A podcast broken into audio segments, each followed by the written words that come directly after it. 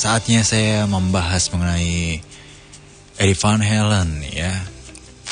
Eddie Van Halen sendiri gitaris rock legendaris yang meninggal dunia di usia 65 tahun usai berjuang melawan penyakit kanker nih. Dan langsung dari putra Eddie Van Halen yang mengumumkan kabar meninggalnya sang ayah melalui akun resmi Twitternya Wolfgang Van Halen dengan cuitan dia adalah ayah terbaik yang pernah saya minta. Setiap momen yang saya bagikan dengan dengannya di dalam dan di luar panggung adalah sebuah hadiah. Hati saya hancur dan saya rasa tidak akan pernah pulih sepenuhnya dari kehilangan ini. Aku sangat mencintaimu, Pap. Begitulah cuitan dari Wolfgang Van Halen. Dan Eddie Van Halen sendiri memiliki masalah dengan kesehatannya yang kadang-kadang mengganggu pekerjaannya di bidang musik selama dekade berikutnya.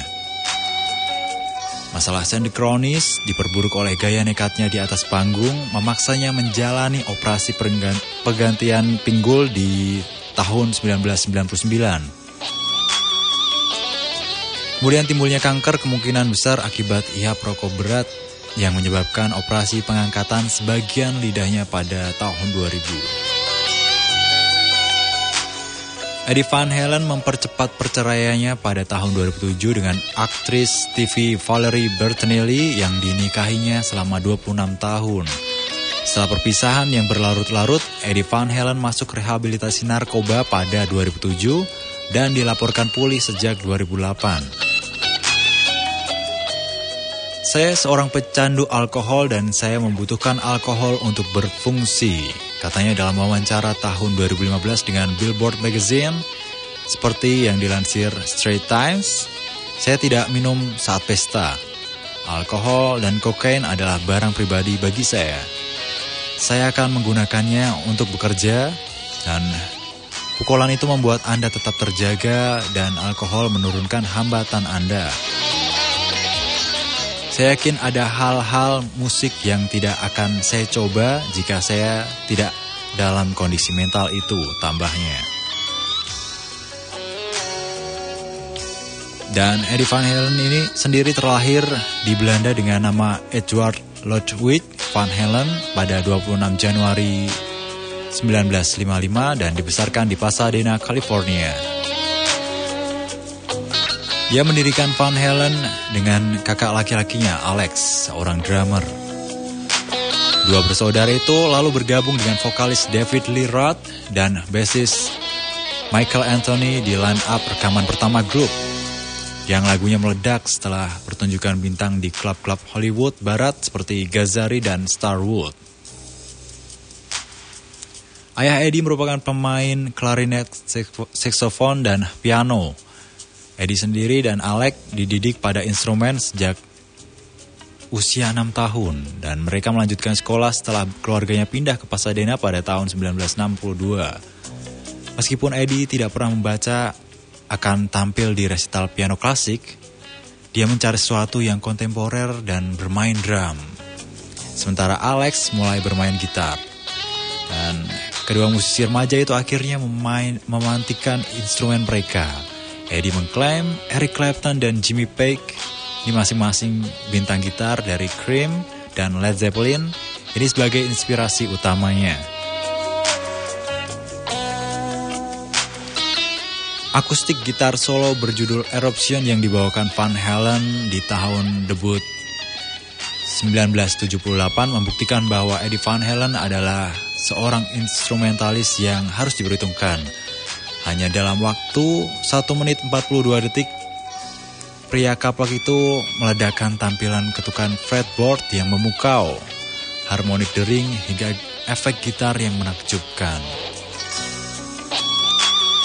Dalam jajak pendapat Rolling Stone tahun 2015, Eddie Van Halen menempati posisi ke-8 dari 100 gitaris terhebat antara Duane Allman dan Chuck Berry. Kedengarannya seperti datang dari planet lain, mulia, seperti mendengar Mozart untuk pertama kalinya. Tulis Mike Grady dari Pearl Jam yang memuji Eddie Van Halen. Bertindak sebagai direktur musik band dan ikut menulis lagu-lagu band keras, yang mengangkangi batas antara hard rock dan heavy metal, Eddie Van Halen segera menemukan kesuksesan yang merumuskan gaya yang akan ditiru oleh gerombolan rocker berambut panjang. LP pertama band Van Halen berjudul Van Halen meskipun naik tidak lebih tinggi dari nomor 19 di Amerika Serikat, pada akhirnya disertifikasi untuk penjualan 10 juta kopi.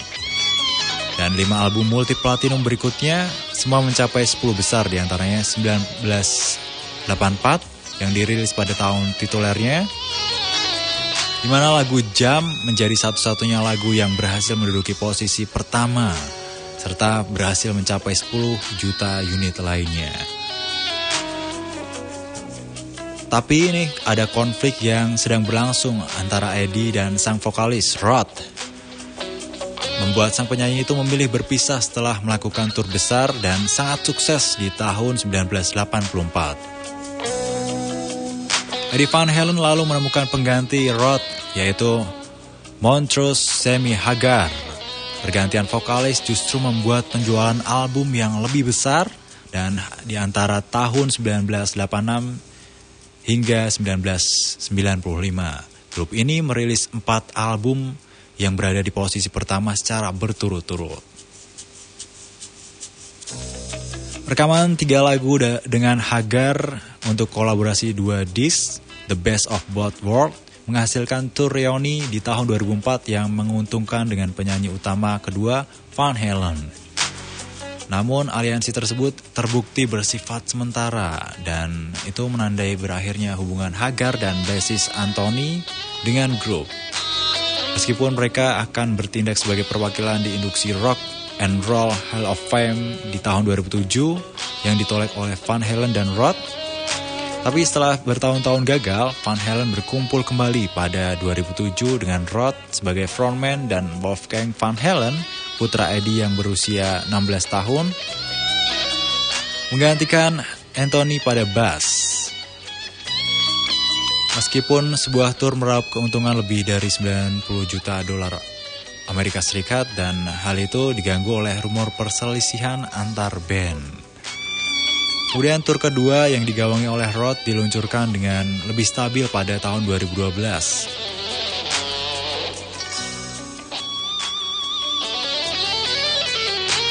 Mendukung album baru di Interscope, A Different Kind of Truth.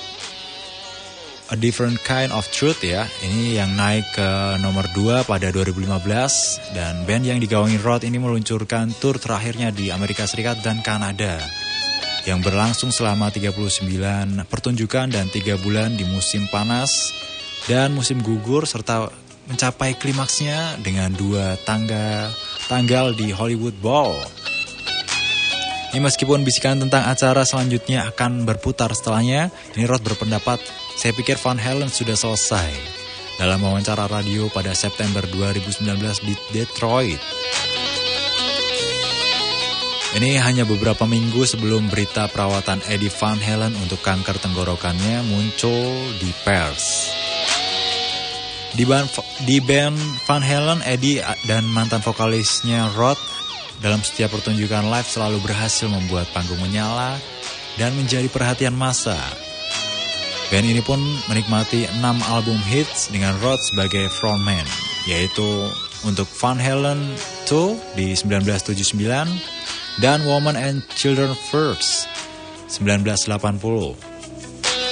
Kemudian mencapai nomor 6 secara nasional, sementara ini dengan Fair Warning di 1981 dan Diver Down di 1982. Masing-masing mencapai nomor 5 dan nomor 3 setelah Rod keluar dengan kedatangan Hagar.